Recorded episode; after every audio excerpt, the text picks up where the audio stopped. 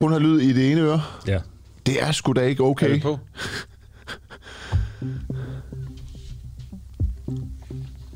Fedt, I bare siger ja. Det er jo ikke nogen nyhed. Nå, men har vi ikke nogen andre høretelefoner? du vil ikke have, at jeg brokker mig.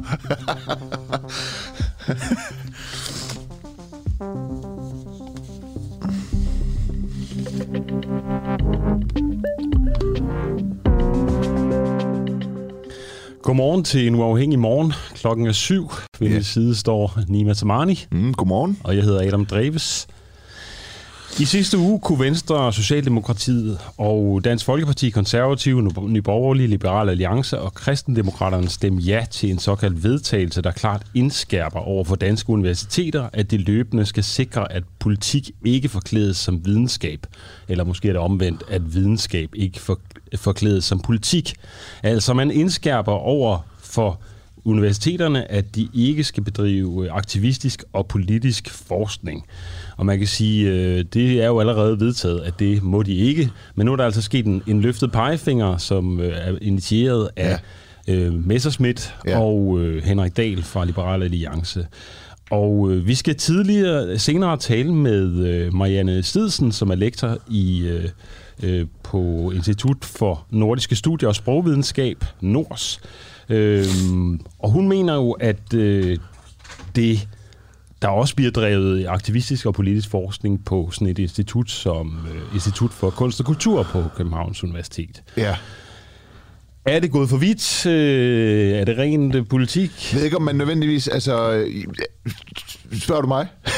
øh, nej, jeg spørger ud i æderen, men du må gerne være den første ja. til at svare. Altså, øh, vi snakkede jo om, lige inden vi gik på her, at øh, sådan noget som øh, Henrik Dahl og øh, Morten Messerschmidt ville øh, få det rigtig vemmeligt ved nede i maven, øh, og også op i hovedet. Det er jo sådan noget med, at man blandt andet har hørt det her om, at man i Sverige øh, har sat økonomiske midler af til for eksempel at forske i, hvorvidt øh, banegårde er kønsneutrale eller ej. Øh, det er jo måske helt ude i ekstremen, det Morten Messerschmidt og Henrik Dahl opponerer imod, eller øh, har stillet det her lovforslag for om, som er vedtaget. Altså simpelthen, at vi ikke kommer til at bruge penge på det, de vil kalde for fuldstændig Ja. åndssvag øh, forskning. Ikke? Og, og jeg vil måske også kalde det åndssvag forskning. Men det er jo det, der sker tit. Så får man sådan nogle eksempler, og som, så tænker alle, hold da op, det lyder da vildt åndssvagt. Hvad Ja. er det, må de går og laver, de der forskere? Er det sådan noget der?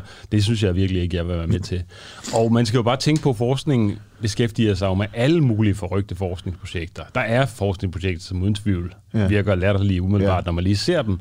Men øh, og, og jeg synes også, hele den her debat omkring, hvornår er det for meget, og hvornår er det for lidt, og hele den her identitetspolitiske debat også, Ja. bliver sådan meget polariseret, ikke? Jo. Enten som, jeg er imod det hele, eller også så er man for det hele. Kan jeg vide, om Øhm, sådan et forslag ville betyde, at øh, hvis man gik tilbage i tiden og tog Helmut Nyborgs forskning, om han så heller ikke måtte forske i, hvorvidt øh, sorte de har en lavere IQ rent genetisk end hvide, ikke? Nej, forstår du, hvad jeg mener? Altså, det må jo gå i begge, begge radikale Ja, sider eller veje, ikke? det er jo primært migrationsforskning og kønsforskning, Jamen, der der har bare se. stået øh, for skud, ikke? Jo. Øh, og migrationsforskning, det handler om... Øh, Ja, noget med øh, migration, ikke? Jo, Altså flygtninge og øh, den slags Ja. ja. menneskestrømninger. Ja. I går var øh, 262 øh, forskere, de sendte et, et brev til øh, forskningsministeren, hvor de øh, bad hende om at komme med, med et svar på, om hun ikke synes, at de gør det godt nok. Øh, de skriver øh, i et åbent brev til hende, at øh, vi bliver intimideret og chikaneret i en sådan grad, at flere bliver sygemeldt. Altså, der er mange forskere, der ikke har lyst til at stille op i debatter og, øh, og deltage i det politiske, fordi netop de bliver mistænkeliggjort, og øh, at de efterfølgende bliver chikaneret. ja. Men vi skal øh, her til at starte med tale med øh, Christian Roar Pedersen, som er sovnepræst i Hals og Hov Kirker, og det skal vi, fordi at øh, der er en problemstilling, og den er, om folkekirken, den har, apropos, taget ordentlig hånd om øh, MeToo. Vi har set MeToo i forskellige brancher osv. Øh, nu har vi set et eksempel på det i, i folkekirken, og Christian Roar Pedersen, han mener, at øh, der ikke er blevet taget ordentlig hånd om det, og han kritiserer Folkekirken for ikke at have nogle officielle retningslinjer øh, og vejledninger vedrørende øh, sexisme, chikane og overgreb. Og i et debatindlæg i Christi Dagblad, der kommer han med 10 bud på, øh, hvordan Folkekirkens øh, præster ikke må øh, udnytte deres position til, øh, til sex, altså bruge deres magt som, som præster til øh, for eksempel at have sex med sovnebørn. Og sovnebørn er ikke børn. Sovnebørn er bare medlemmer af sovnen. Det vil sige, at man kan lige så vel være 40 år, som man kan være øh, 18 80. eller 17 år, ja, øh, som, som, som et sovende barn. Øhm, og det er altså noget, som vi, øh, vi tager op og taler med Christian Rohr Pedersen om, øh, fordi der i sidste måned, øh, der kom det frem, at fem kvinder har anklaget øh, en kendt præst, Flemming Ples, for at misbruge sit øh, embede til at forføre kvinder, øh, ja, og bryde sin øh, øh, tavshedspligt. Øh, Christian Rohr Pedersen, velkommen til. Øh, jo, tak. Og godmorgen. Ja, godmorgen. Øh, må præster have sex med deres sovnebørn?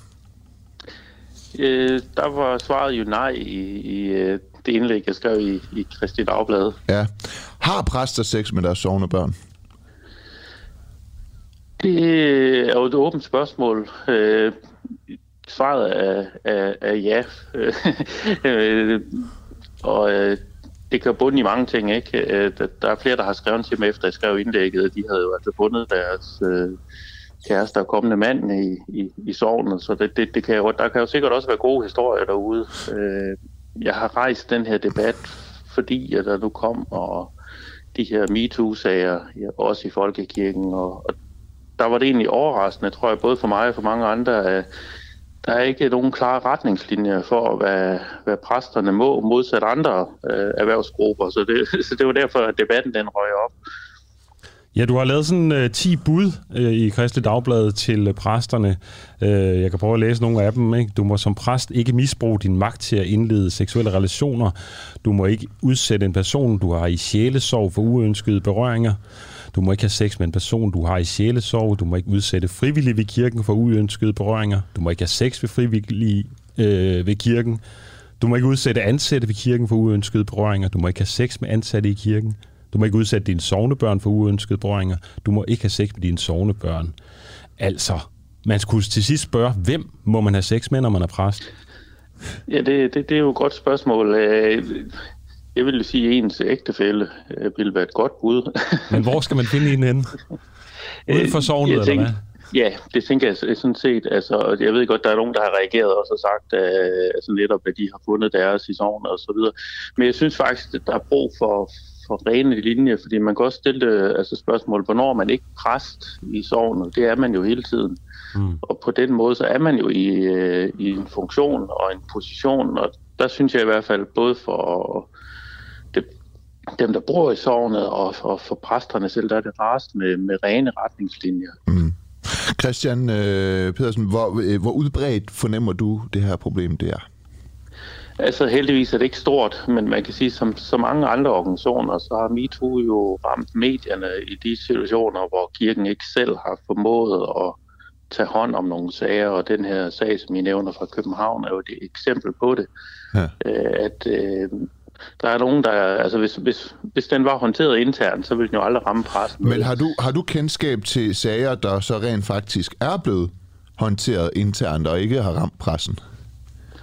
Øh, de er der også, ja. ja. Hvad er det for du, nogle du sager? Ikke til at sætte, øh, du får mig ikke til at sætte navn på i dag. Okay. I morgen måske?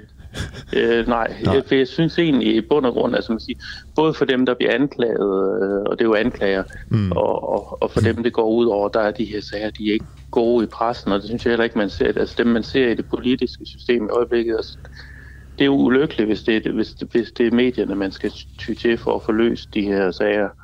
Øh, det, hvor jeg godt kunne altså, savne noget, det var, at man var mere tydelig i kirken, hvad, hvad må øh, præsterne, og også at man var mere tydelig om, at den her type adfærd, det accepterer vi simpelthen ikke, fordi det er jo også noget med som organisation at sende nogle signaler nedad til, at øh, det her, det er altså ikke noget, vi beskæftiger os med okay. i vores organisation. Du siger, at der er flere øh, kvinder, der har henvendt sig til dig og sagt, at deres ægte mand nu er en øh, præst, og de har været sovnebørn, så på den måde har de fået skabt en øh, ægteskabelig øh, relation øh, baseret på, øh, på, at de har haft seksuelt øh, samvær. Det har de jo nok haft, øh, og det er jo det, du mener, de ikke skal fremadrettet.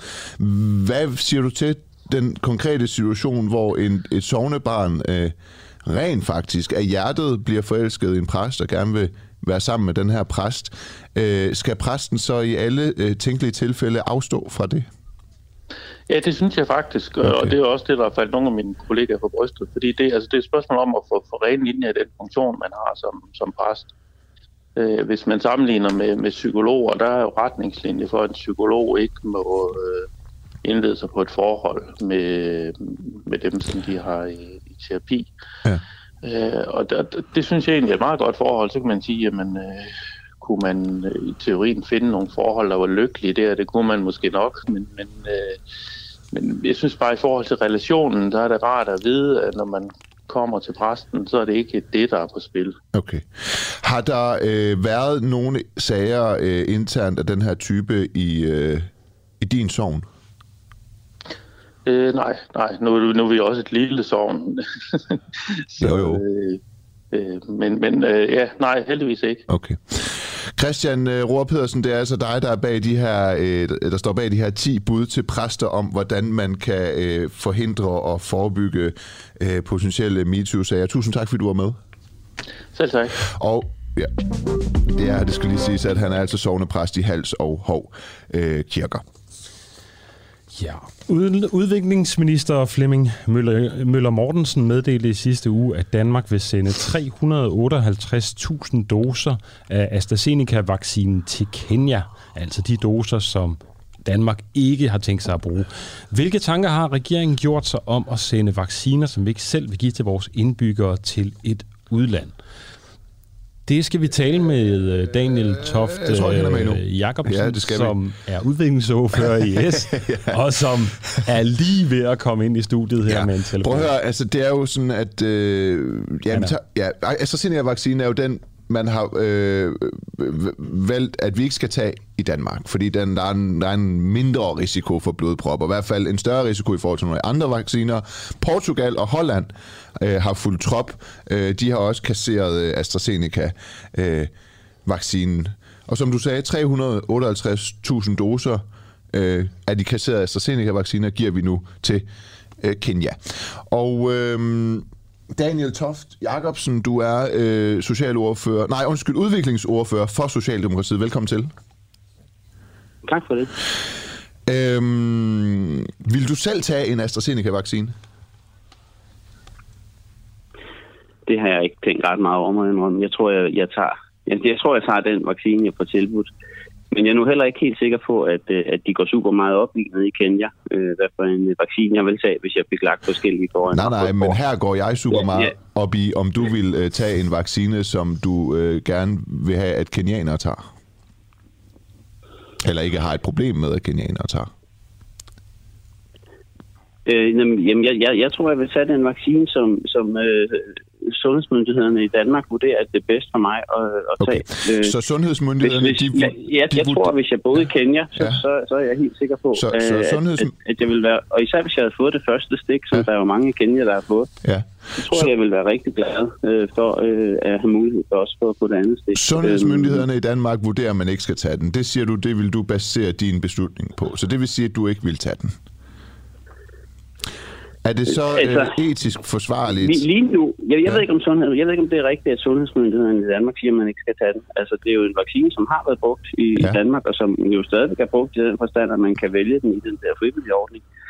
Og man kan vel heller ikke helt udelukke, øh, altså, at den kommer til at skulle blive brugt igen. Nej, øhm, altså prøv at høre, øh, AstraZeneca-vaccinen den er taget ud af det danske vaccinationsprogram, fordi Sundhedsstyrelsen vurderer, at risikoen for sjældne tilfælde af blodpropper er større end fordelene ved at undgå corona. Så Sundhedsstyrelsen har jo anbefalet, at man ikke skal øh, tage den af den grund, og ja. så vil vi gerne give og den det er til... rigtigt, ja. og regeringen har opfordret ja. Sundhedsstyrelsen til øh, nu set i lyset af, at, øh, at vaccinationskalenderen er blevet udskudt, og der er længere tid til, at nu ja. til at alle er blevet vaccineret, så, så øh, at overveje øh, endnu en gang, om den nu øh, også skal være ude. Øh, Okay. Så derfor så, så kan du ikke sige, at det er 100% sikkert, at vi ikke kommer til at bruge den fast i, i, i programmet. Ikke? Nej, okay. Men så lad mig høre dig, hvilke tanker har, har regeringen så gjort om øh, at sende de her vacciner, som, som, øh, som vores egen sundhedsstyrelse har kasseret, øh, til et uland som, øh, som Kenya? Øhm, jamen tanken øh, er jo den, at, øh, at øh, Kenya øh, selv synes øh, med god grund, at de har rigtig, rigtig meget brug for at få deres øh, befolkning vaccineret. Øh, og, og der er det jo, øh, i rigtig mange lande rundt omkring i verden, er det jo AstraZeneca-vaccinen, øh, som er den primære. Det er jo blandt andet også noget med, hvilke krav der er til at købe ned, hvor nemt den er at distribuere osv. Øh, og der er det jo så, sådan som jeg forstår det i hvert fald, sådan i Kenya, at, at der er mange øh, kenianere, der har fået øh, det første stik ja. med den her vaccine. Og så har man så ikke kunne få de doser, som man øh, havde var blevet stillet i udsigt, blandt andet fordi, at man i Indien øh, øh, er holdt op med at, at eksportere, fordi man jo selv i Indien står i en rigtig, rigtig svær situation. Og, og, så, øh, ja, og så har man øh, rigtig meget brug for at kunne give øh, deres borgere øh, også, til, også til andet stik og komme videre med vaccinationen, og derfor så, øh, så, så vil det være dumt, synes jeg, at smide vores, vores overskydende vacciner ud, så synes jeg, det er bedre øh, at give dem til et land, hvor, øh, hvor de har rigtig meget brug for den, og hvor de også selv synes, de har rigtig meget brug for den.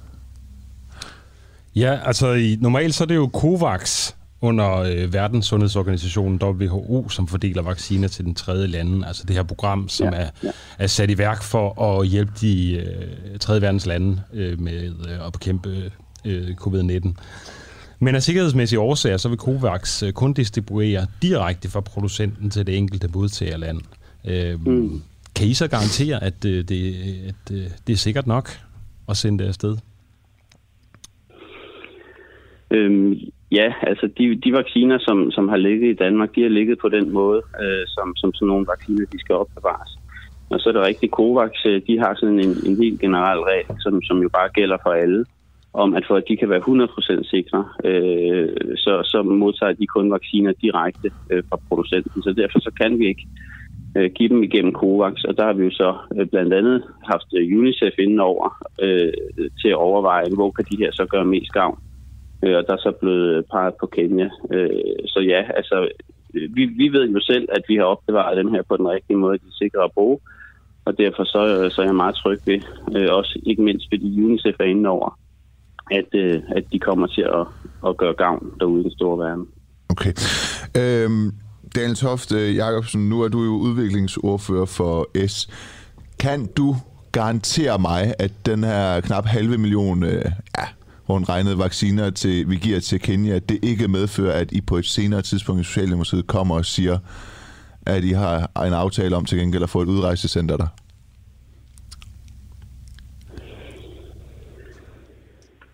Øh, ja, altså, jeg, jeg, jeg, jeg kan ikke, det er ikke mig, der har siddet og truffet den beslutning, øh, præcis hvor de her vacciner skulle have. Det, det er en regeringsbeslutning. Jeg sidder jo i Folketinget. Nej, jeg, jeg, jeg, jeg kan ikke, jeg, kan ikke i min vildeste fantasi forestille mig, jeg kan ikke i min vildeste fantasi forestille mig, at der har været nogen som helst overvejelse omkring udrejsecenter i forbindelse med de her vacciner. Nå, det er jeg glad for, du siger. Det, det, det, det, da du begyndte at tøve, der tænkte jeg, hvad fanden, jeg stillede lige det sygeste spørgsmål.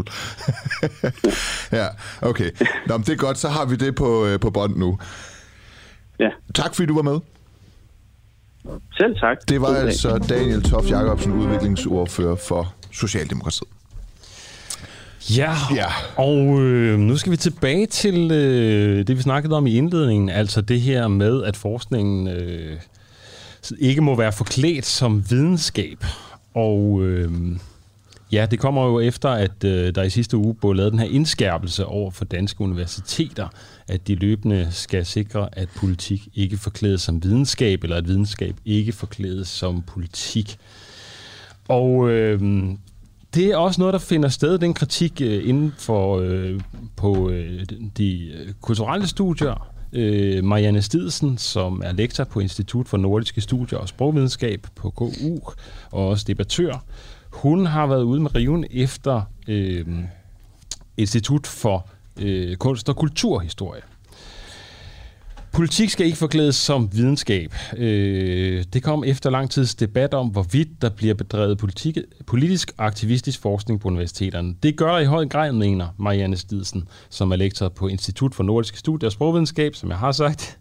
Og hun er meget konkret i sin kritik. Institut for Kunst og Kulturhistorie på hendes eget universitet er identitetspolitikkens epicenter, som vi mobiliserer masserne i en venstre radikal revolution, siger hun. Godmorgen, Marianne. Godmorgen. Kan du komme med et meget klart og tydeligt eksempel på, at Institut for Kunst og Kulturhistorie bedriver aktivistisk og politisk forskning? Ja, i øh, den øh, kronik, øh, du henviser til fra øh, Berlingske, der kommer jeg jo med nogle konkrete eksempler, hvor jeg har kigget på øh, øh, hvad hedder det, de forskningsprojekter, øh, som har fået øh, sådan pænt store øh, fondsbevillinger. Og øh, der er det bare slående, synes jeg, at øh, de øh, for mig se øh, ligner hinanden meget. De rummer, øh, altså der er nogle ord, der ligesom sådan går igen, politik, øh, aktivisme, engagement, modstand. Øh, så øh, jeg ser altså øh, sådan en ret stor ensartethed i de her projekter, øh, og øh, øh, nogle af dem, øh, kan man sige, er mere eksplicite end andre. Kan du nævne sådan det, det altså- groveste altså, eksempel, du, du Ja, du det, det vil jeg sige er, er ham, der hedder Mikkel Bolt, øh, som er professor i øh, politisk øh, æstetik på instituttet, øh, og som, øh, hvad hedder det, har det her... Øh, forskningsprojekt om øh, æstetiske protestkulturer, som han har fået 4 millioner kroner øh, til af Novo Nordisk Fonden, altså en privat fond.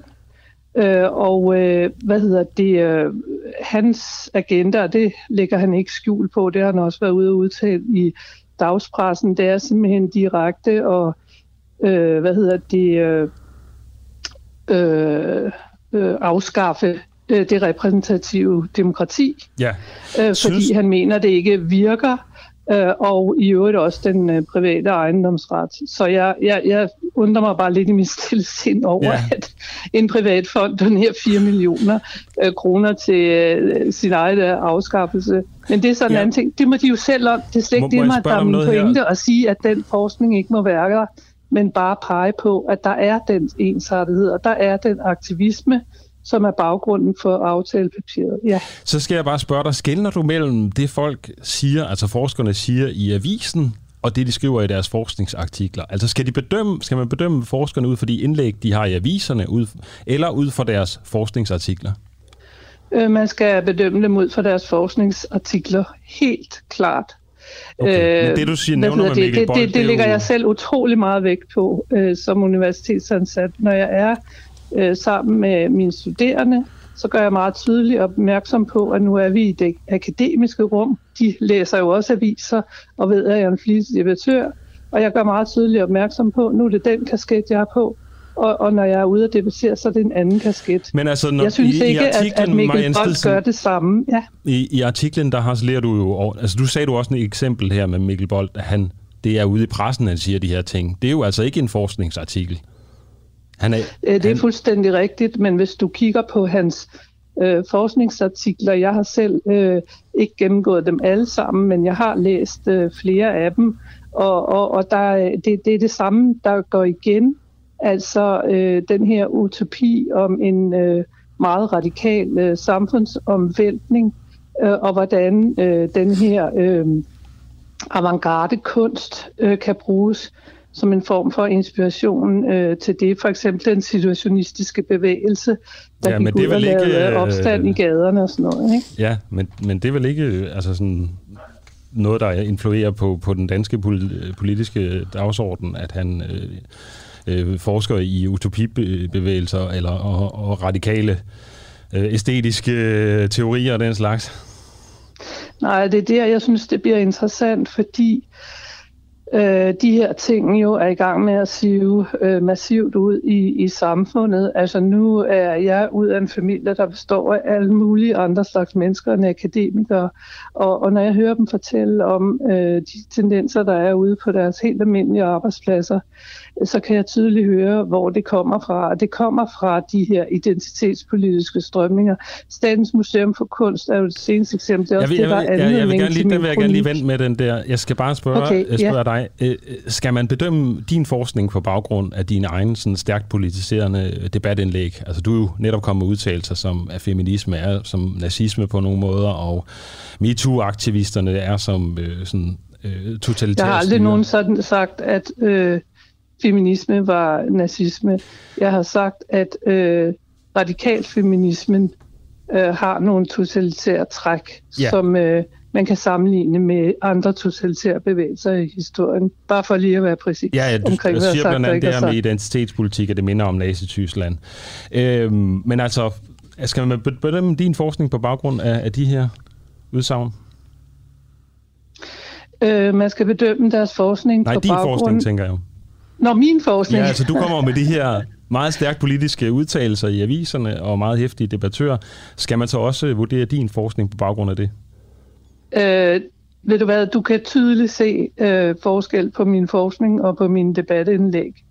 Øh, vil jeg hævde, alt hvad jeg har lavet af forskning øh, er, øh, hvad hedder det, øh, øh, hviler på de øh, præmisser, som nogle gange er gældende i det akademiske system, nemlig at du altid er forpligtet til som det første øh, at sørge for at øh, hvad hedder det, øh, præsentere forskellige perspektiver på, på det emne, du øh, undersøger, og gøre det øh, så færre og så redeligt som muligt, før du konkluderer noget. Det er du ikke forpligtet på i et debatindlæg. Der kan du Nej. så at sige bare gå, gå lige til Så der er en dine forskel, egne holdninger. øh, ja, Jacob. absolut er der Så skal jeg forskel. høre øh, de forskningsprojekter, du kritiserer i din kronik i Berlinske. Der er jo primært tale om projekter, der har fået ekstern finansiering, altså som ikke er støttet af Københavns Universitet selv. Øh, Det er jo projekter, der er blevet reviewet og fundet støtteværdige af eksterne fonde. Øh, Betyder det så, at de her eksterne fonde, som Danmarks Frie Forskningsfond, øh, Ny Carlsbergfonden, Novo Nordisk Fonden og Velux, Danmarks Frie Forskningsfond, det er faktisk en, en statslig fond. Okay, men så Ny Carlsbergfonden, Novo Nordisk Fonden og Velux. Mm. Er det der, det virkelig arnested er for alle de her ting, du kritiserer? Øh, ja, altså man kan sige, at øh, nu har jeg været på universitetet 25 år. Jeg vil sige, jeg har også været der under de hæftige øh, øh, kampe der om, øh, hvad hedder det, marxismen i 70'erne. Øh, og, og selv dengang, øh, der var der ligesom rum for, at man kunne øh, mødes i det samme rum og skændes som det bragede. Det nye er, at, at de her tendenser har det med at lukke sig om sig selv, og immunisere sig over for andre perspektiver, de er ikke interesseret i. Det er, hvad jeg har oplevet, Men, men prøv lige at svare på spørgsmålet en Og gang. Prøv lige at svare på, dialog. svar, svare på spørgsmålet, ja. Anne Stridsen.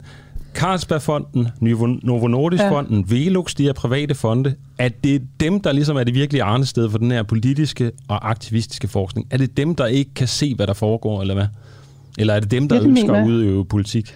Øh, jeg, jeg mener ikke, at øh, fondene øh, er i stand til at se, hvad der foregår. Øh, og det er blandt andet også det, jeg har så øh, hvad hedder det, påtaget mig at, at, at oplyse om. Og, øh, Okay, så de er simpelthen og helt jeg, jeg nævner jo, jeg har skrevet en anden kronik i politikken, hvor jeg nævner eks- konkrete eksempler på, at det her peer review system, som fonden jo også bruger, når de udvælger projekter, at det også øh, stedvis er gennemsyret af den her politisering. Ja, Og det er klart, altså hvis det lukker sig om sig selv på den måde, øh, så bliver det jo øh, meget vanskeligt at se, øh, hvad hedder det, hvor den, kan man sige, klassiske objektive videnskabelighed bliver af. Okay.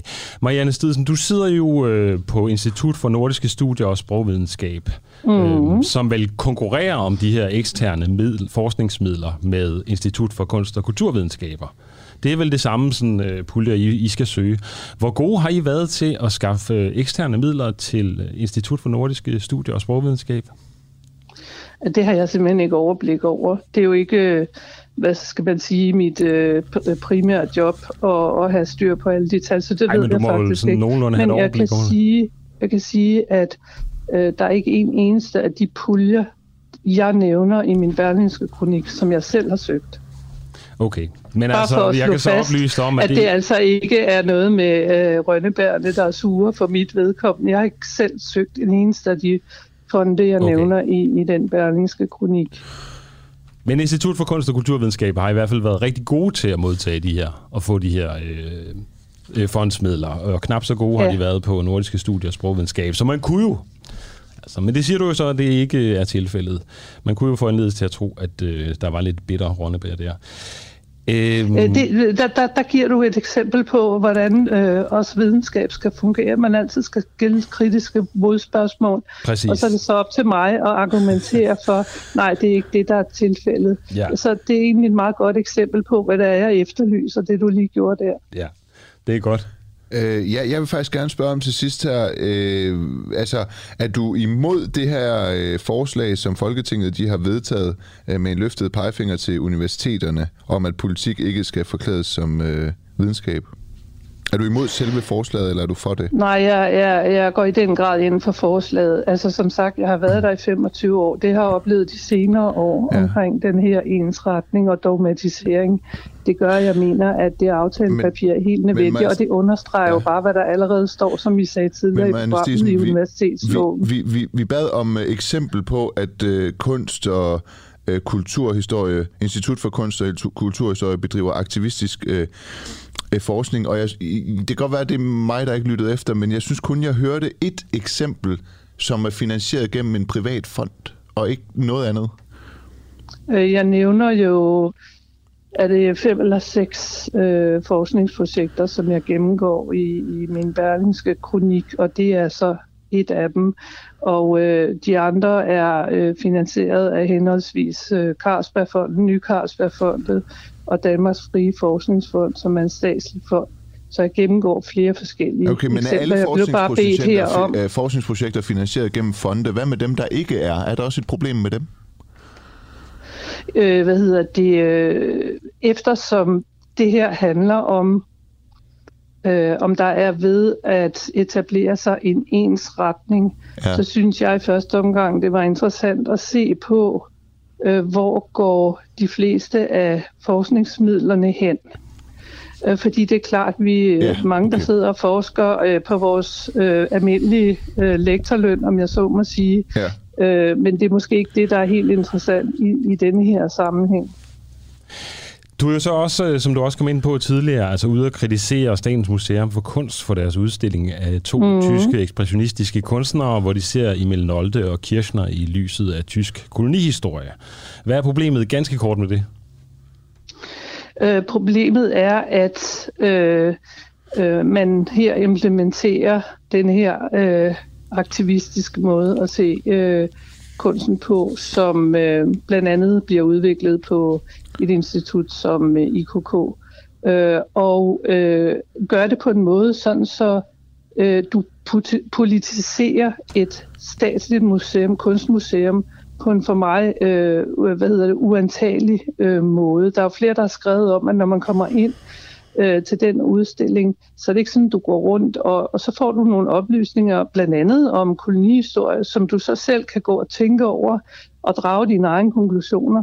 Du bliver ligesom mødt med en øh, belærende prædiken om, hvordan du skal forholde dig til det her. Der og det synes jeg altså, ærligt talt på, på, ikke på museet, er statens øh... opgave at øh, moralisere og politisere og prædike for os på den måde. Alright. Men det, det handler om, er jo, at man ligesom prøver at se øh, de her kunstners arbejde i lyset af øh, kolonihistorien. Og man taler jo om, at altså, de måske var nogle af de første sexturister på en eller anden måde. Altså, den måde, deres blik øh, er indskrevet i...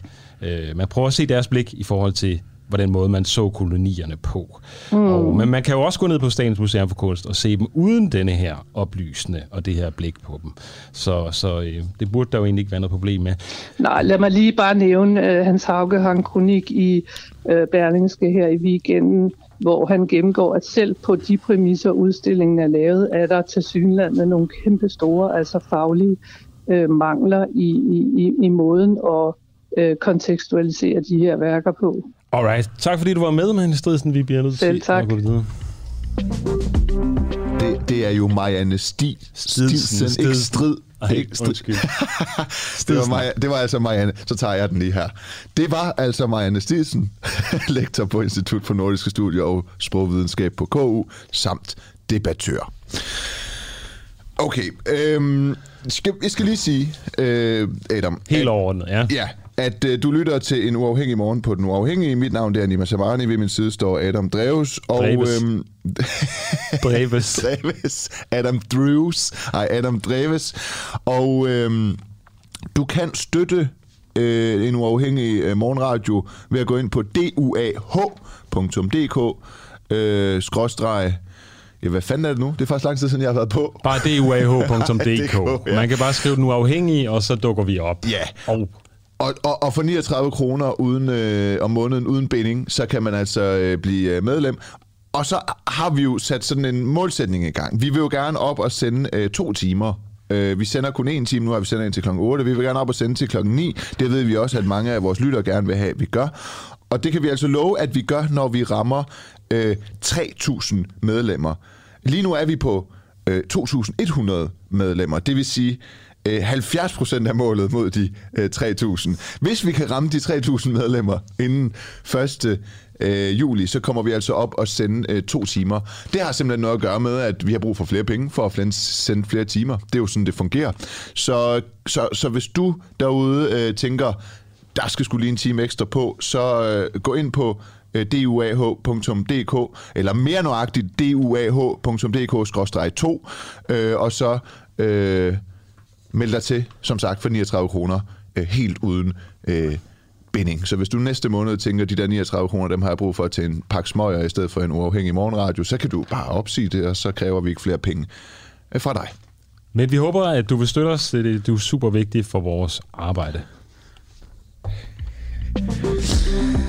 Okay, vi talte jo øh, lidt tidligere her i morges med øh, sovnepræst Christian øh, Roar Pedersen, som har lavet øh, 10 øh, bud, altså 10 bud på, hvordan man kan forhindre MeToo i, øh, i, øh, i, i den danske folkekirke. Og... Øh, det gør han altså i kølvandet på, at øh, det er kommet frem, at en præst ved navn Flemming Ples har, øh, er blevet anklaget for at have nogle krænkelsesager med nogle sovnebørn. Og øh, jeg gentager bare lige igen, de her sovnebørn er ikke børn, det er bare medlemmer af øh, den pågældende sovn.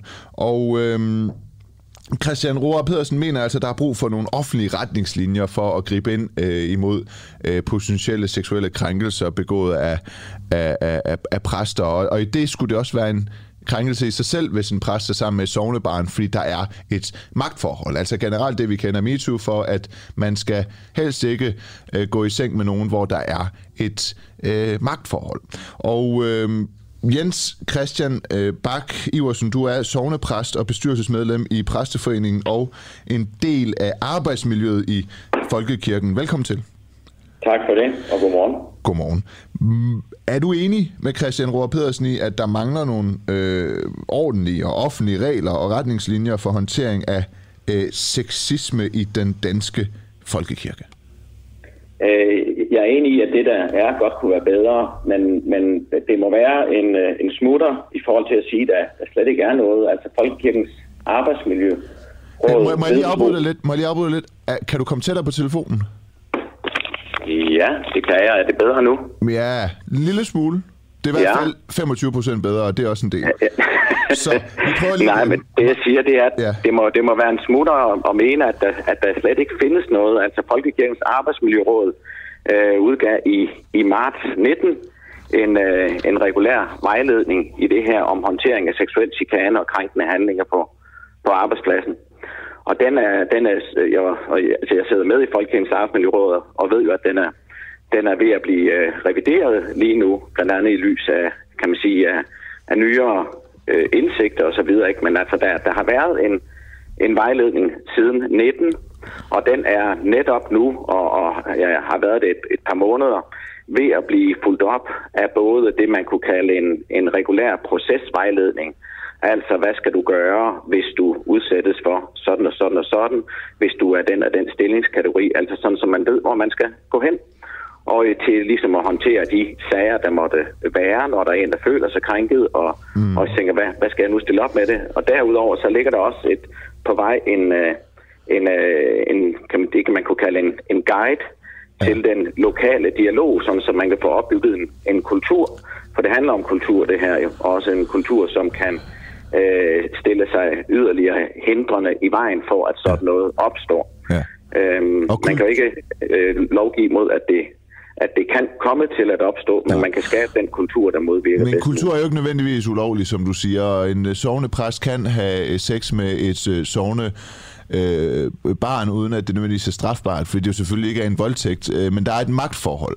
Det kan til gengæld være et fyringsgrundlag. Synes du, det skal være det? Altså, at en sovnepræst har sex med øh, et medlem af menigheden?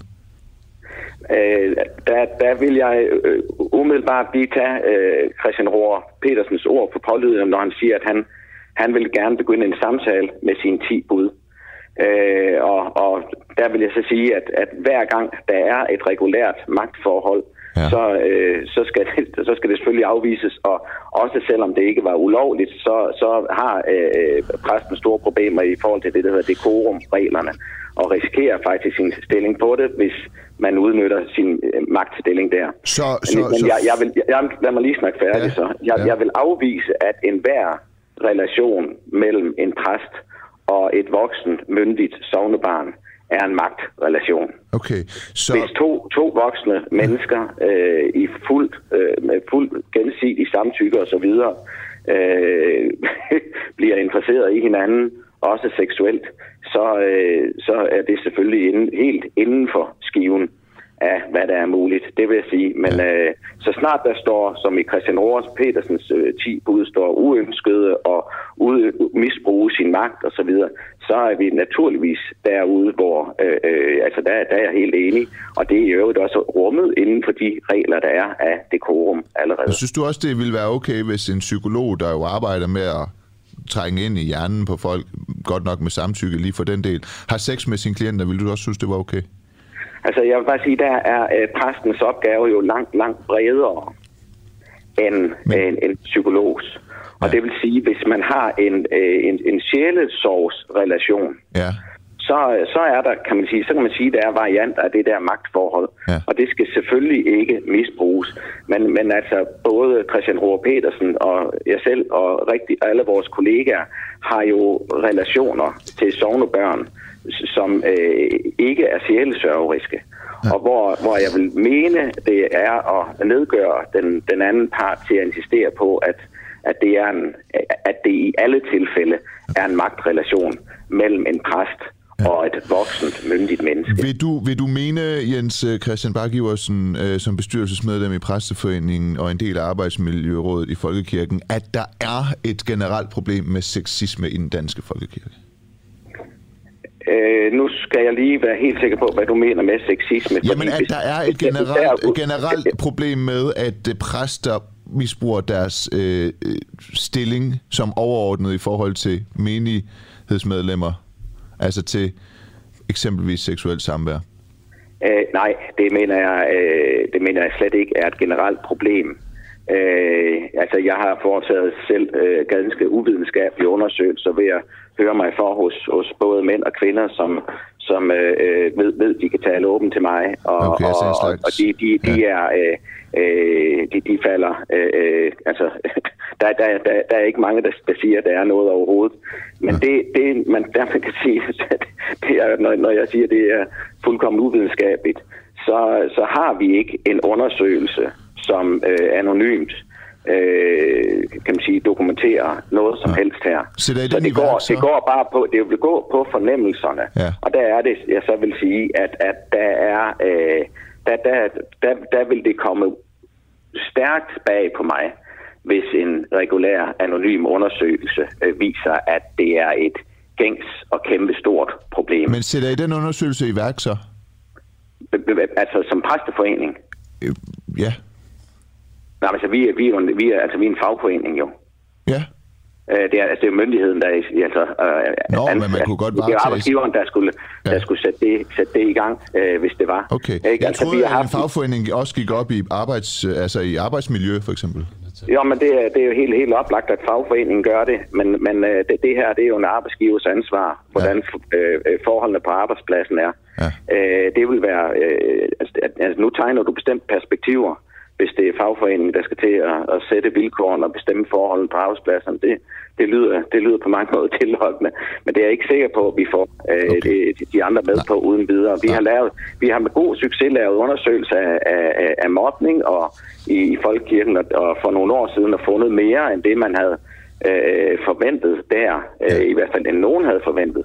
Så øh, altså, jeg vil synes, det er fuldstændig oplagt at lave en sådan undersøgelse. Man har lige lavet det i, i Norge, i øvrigt i den norske kirke, ja. og man kunne fint øh, lade sig inspirere okay. deraf. Men det er, det er noget, som et, vi skal have et helt kirkeministerium og, og der er arbejdsmiljøråd på ja. i, i, i givet fald. Øh, men, men nu vi har jo, altså vi har vejledninger med videre på vej, og det skal man jo også have, fordi vi kan ikke, man kan ikke sige, nu, nu, nu venter vi det på, der ligger en Christian Bakke vi tager, vi, vi håber, der kommer sådan en undersøgelse i, øh, i gang, ikke fra fagforeningen, men øh, de rette øh, afsender. Tusind tak, fordi du var med. Det var altså Jens Christian Bak, øh, Iversen, bestyrelsesmedlem i Præsteforeningen og en del af Arbejdsmiljørådet i Folkekirken. Ja, og øh, Nyhederne i dag står jo meget i sådan MeToo's tegn, må man sige. Altså, vi har talt med, med, med præsterne her om, om øh, MeToo, og øh, det er kommet frem her i weekenden, at syv, demokratiske, øh, syv kvinder øh, har øh, i Berlin været ude og sige, at de har oplevet krænkende oplevelser fra en mand, der har været ansat i Socialdemokratiet, og de er også gået til ledelsen, og det er ligesom ikke blevet taget alvorligt. Uh, og det er noget med, at han har ja, slikket det på halsen, stukket tungen ind i ørerne og sådan noget. Det er noget, man, man kender øh, fra Socialdemokratiet. Det er en alvorlig sag, og en endnu alvorlig, også en anden alvorlig sag er jo også, det kom frem her i fredags, at øh, DR's øh, pigekor jo også har haft en meget, meget uheldig kultur under ledelse af Michael Bøjelsen. Han har øh, blandt andet øh, udviklet et øh, forhold med en af de her piger, en 17-årig pige fra, øh, fra koret, som han øh, mødte på, eller indledte et forhold til under en studietur. Øh, han har ikke taget klæder alvorligt, og har, har der har i hele taget været lidt af en, ja. øh, en, en uheldig og syg øh, kultur.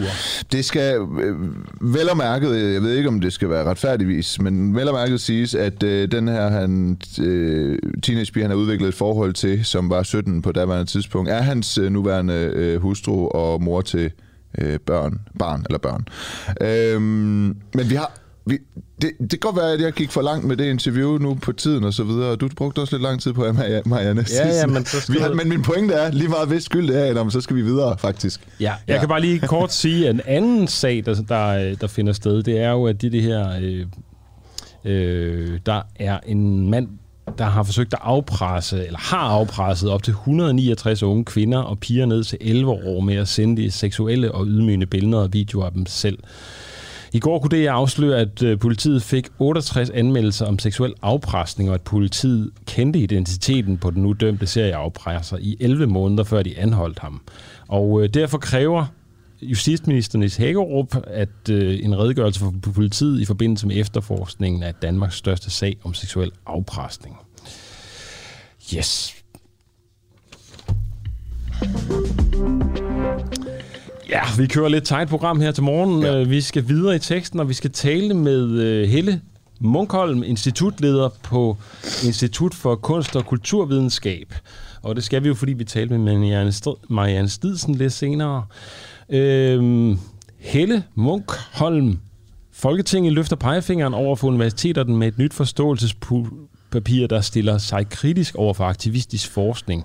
Den slags er der masser af på Institut for Kunst og Kulturvidenskab, øh, som Marianne Stidsen, KU-lektor, siger er identitetspolitikens epicenter.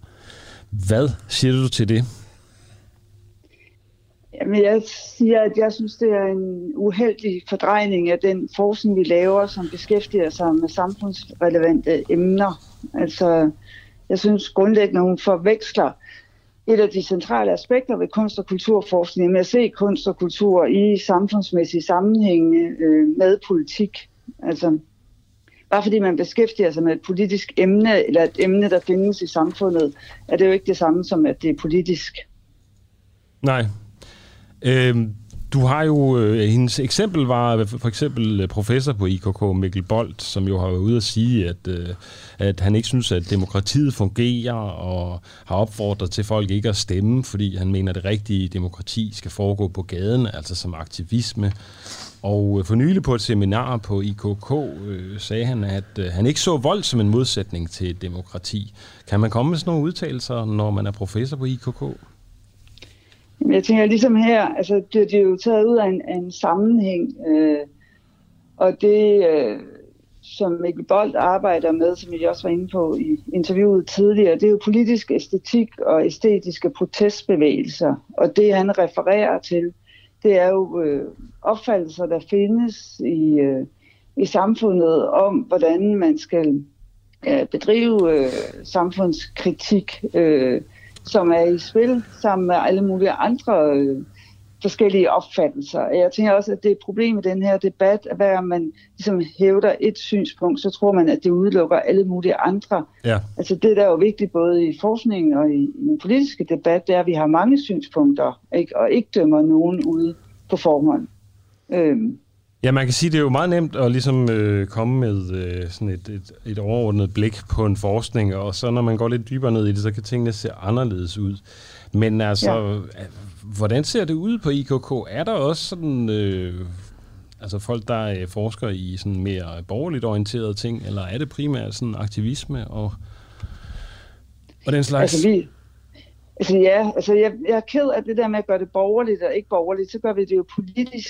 Ja. Øhm, altså, og det synes jeg, at forskning er ikke politisk. Øh, men vi arbejder også med, altså vi arbejder grundlæggende med kunsthistorie, med litteraturhistorie, med musikhistorie, med teaterhistorie, øh, som nogen nok vil se som mindre politiske emner, fordi det ikke lige foregår i vores nutid. Men vi arbejder jo også med samfundsmæssige og politiske forhold i forhold til kunst og kultur historisk. Øh, og jeg, altså, og nu om, altså, men vi arbejder jo også med samtidsemner, øh, og det gør vi jo også, fordi der er en stor efterspørgsel sådan, i samfundet efter den forskning, vi har i kunst- og kulturvidenskab, også beskæftiger sig med nutidssamfundet og er relevant for omverdenen. Øh, og de emner, vi beskæftiger os med, som jo findes i omverdenen, og nu har vi faktisk ikke ret meget af den der forskning, som, øh, som der er ligesom meget politisk blæst om. Vi har, vi har noget, også meget pluralistisk forskning omkring nogle af de der emner, men faktisk ikke ret meget. Øh, men altså, vi beskæftiger os jo med dem, fordi der også har været en forskningspolitisk interesse for, også hos fondene, for at vi forbinder kunst- og kulturforskning med det, der foregår i samfundet. Og, ja. hvad, hvad siger du til, til den her indskærpelse over for universiteterne, øh, der er sket fra øh, politikernes side? At de ikke må, ja. skal være ekstra øje og opmærksomme på, at øh, de ikke må bedrive aktivistisk forskning. Er det noget, du sådan skal til at gå efter i sømne nu, øh, forskningen? Nej, jeg, jeg synes, det er et problem, fordi at det altså, ligesom problematiserer, at, vi, at det er et problem øh, på, på, i universitetsforskningen. Og, og jeg tænker, at det simpelthen skaber et skævredet billede af, hvad det er for en type forskning, der er på universitetet. Øh, vi har, øh, ja, som jeg sagde, nogle, nogle få øh, områder, der også arbejder med de her emner, der findes i samfundet, som, øh, som migration for eksempel. Ikke? Øh, men vi har forskellige tilgange til det, men vi har også virkelig meget andet forskning. Altså renaissanceforskning, vi har lige udgivet, altså forskere fra IKK, som instituttet har forkortet, har lige udgivet en europæisk litteraturhistorie i fire bind, hvor man ser på, hvordan litteraturen bidrager til øh, udvikling af, af det moderne samfund og det moderne statsbegreb. Vi har renaissanceforskning, vi har Carl Nielsen-forskning, okay, vi ser på moderne ikke... performance-studier. Altså, ja, altså, jeg synes, det er jeg synes, det er lidt farligt også, at man i, sam, altså i omverdenen også politisk får en idé om, altså så forenklet og billede af den forskning, vi har, og jo også, at man problematiserer lødig forskning inden for samfundsrelevante okay. emner. Helle Munkholm, du er institutleder på Institut for Kunst og Kulturvidenskab på KU. Tak fordi du var med. Selv tak.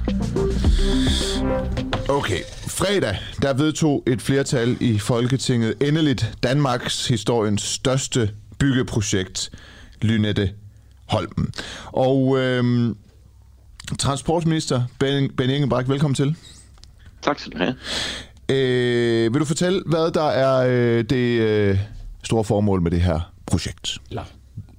Ja, øh, det, det korte er jo at bygge en halvø, som øh, er sådan en forlængelse af de havne opfyldt, som, øh, som vi i øvrigt kender til fra hovedstaden, der går helt tilbage fra, fra 1500-tallet. Øh, formålet er at, at skabe en parameter, som skal sikre, at øh, det overskydende jord, der skabes i, i København, at det kan man komme af med, og samtidig klimasikre delvis klimasikret København. Der skal nogle, øh, nogle flere ting til også. Der skal en sluseport i, og så skal der også klimasikres mod syd. Men København er udsat for, for fremtidige øh, trusler fra, fra, fra oversvømmelser, og, og det er man simpelthen nødt til at tage højde for. Så, så man der... kan sige, at på den korte bane, så sikrer man at øh, kunne komme af med overskudsjord, mm. øh, og så kunne klimasikre København. På den lange bane, der skal man, øh, der skal man så kunne bruge det her til at, at skabe en ny bydel. Øh, ben Engelbrecht, der, den her ø skal jo være sådan cirka 3 øh, kvadratkilometer stor og skal stå færdig i 2070. Hvad er sådan din ambition, altså hvis du sådan virkelig skal være visionær omkring øh, Lynette Holm, hvordan, hvordan kommer den til at se ud? Hvordan vil du gerne have den se ud? Ja, jeg håber selvfølgelig på, at, øh, at det, som man bliver enige om i København, det bliver at, at skabe en bæredygtig bydel, hvor der er, er fokus på, øh, på de teknologier, der til den tid jo så bliver, øh, bliver banebrydende. Men, øh, øh, men det er også klart, at, at det vi har sikret nu er alene anlægget af halvøen. Øh, og, og derfor udstår selvfølgelig også en, en rigtig stor debat i, i hovedstaden, og ikke mindst i borgerrepræsentationen om, hvordan man så vil udnytte det. Og det, det fine er jo, øh, at det er der ret god tid til, fordi øh, øh før en, en øen er klar til at kunne, øh, kunne bruge til at lave en byudvikling på. Der går altså nogle år, vi er fremme på den anden side af, af 2030, formodentlig 2035, før det første kan bygges derud. Alright, men du var jo ude at sige i et interview i Deadline her den 1. juni, at øh, det skal være, dels som du siger nu, at det skal være en bæredygtig by, men altså også, at der, det, en del af ideen med Lynette Holmen er også at skabe flere boliger, øh, og flere billigere boliger, sagde du endda. Kan du ja, garantere, det at, øh, at, det, at det kommer til at hænge sammen? Ja, det er jo sådan blandt andet det, som borgerrepræsentationen skal beslutte sig for præcis, hvad for nogle krav skal man stille til boligerne. Det er også klart, at hvis man, øh, hvis man alene kigger på øh, de, de grunde, der er tilbage i øh, Københavns Kommune, øh, der, kommer, der kommer nogle byggegrunde i den kommende tid, øh, øh, men, men, øh, men jo ikke noget, der, der sådan for alvor rykker, jamen så vil man alt andet lige se en, en, en, en yderligere stigning i de boligpriser, der i forvejen er, er høje. Det er klart, at der er også steder øh, uden for, for Københavns Kommune og Frederiksberg Kommune, hvor man kan bosætte sig. Det er der jo ganske mange heldigvis, der gør. Øh, så, så hvis man i øvrigt har lyst til at bo øh, uden for Københavns Kommune, så er det selvfølgelig en mulighed. Men i Københavns Kommune... Der Jeg har bare lige et spørgsmål til det, ikke? Altså, fordi det er jo meget, det er jo, der, der går meget op i, at, at det ikke er jyderne, der skal betale Lynette Holmen. Altså, den, den skal finansiere sig selv gennem grundsalget. Øh, men hvordan, altså når der både skal finansieres metro, havnetunnel og så videre, hvordan skal man så øh, kunne skabe billigere boliger? Altså hvordan skal øh, de her boligforeninger have råd til at, øh, at købe øh, grunden og så lave billige boliger? Ja, hvis vi lige starter med selve anlægget, så er det, skal det ikke finansieres af, at man sælger grunden. Øh, fordi Nej, anlægget, det er jorden, så vidt jeg forstået. Ja, præcis. Lige præcis Men jeg tænker på, øh, på alt det andet infrastrukturen, ikke? det skal jo finansieres af grundsalget. Ja, og det er, er, er, tanken lige præcis, at, at det finansierer man via det, man forventer, øh, at, øh, at øh, grundsalg kan finansiere i, i størrelsesordenen øh, 20 milliarder plus, øh, og at øh, den basale infrastruktur, altså det, der skal til for at sikre, at der er metrobetjening og vejbetjening, øh, det er i, i størrelsesordenen lidt over 12 milliarder kroner. Så, så derfor er forventningen sådan set også, at man godt kan kan balancere det her i, øh, i, en, i en fornuftig, øh, fornuftig balance. Hvad siger, noget, du, det, udstår. hvad siger du til, Benny Ingebrigt, at uh, to af landets førende eksperter, blandt andet Ellen uh, Margrethe Basse, professor i miljøret ved Aarhus Universitet, siger, at uh, det her projekt det er ulovligt, fordi der som vanligt ikke er hentet en miljøplan? Jeg har selvfølgelig noteret mig både øh, Peter Pags og en Margrethe Basses øh, indsigelser, og, øh, og derfor er de også blevet meget, meget, meget grundigt analyseret, både af, af de biologer og hydraulikere, som har arbejdet med, med sagen, øh, og så ikke mindst øh, kammeradvokaten. Og mm. konklusionen på det er, at, øh, at der ikke er udfordringer med, med EU-direktiverne, og det er jo så også det, som efter vi har meget, meget grundig lovbehandling i Folketinget, ja. som et meget bredt flertal i Folketinget har har fundet sig... Så, øh, så, så, du, så du mener, at en professor i miljøret ved Aarhus Universitet, der siger, at det her, hvis den røg for EU-retten, ville være ulovligt, øh, tager fejl? Øh, altså, sådan som, jeg, som det blev gengivet over for mig, så forudsætter man der, at der er fejl i det arbejde, som biologerne har lavet. Og det er jo helt fair, at en, øh, en, en retsprofessor siger, jamen øh, måske kan der være et problem med, bio, med noget af det, som biologerne ikke måske, ikke har. Måske, retsprofessoren siger højst sandsynligt. Ja, og, ja. og det er ikke det samme som, som, øh, som helt sandsynligt.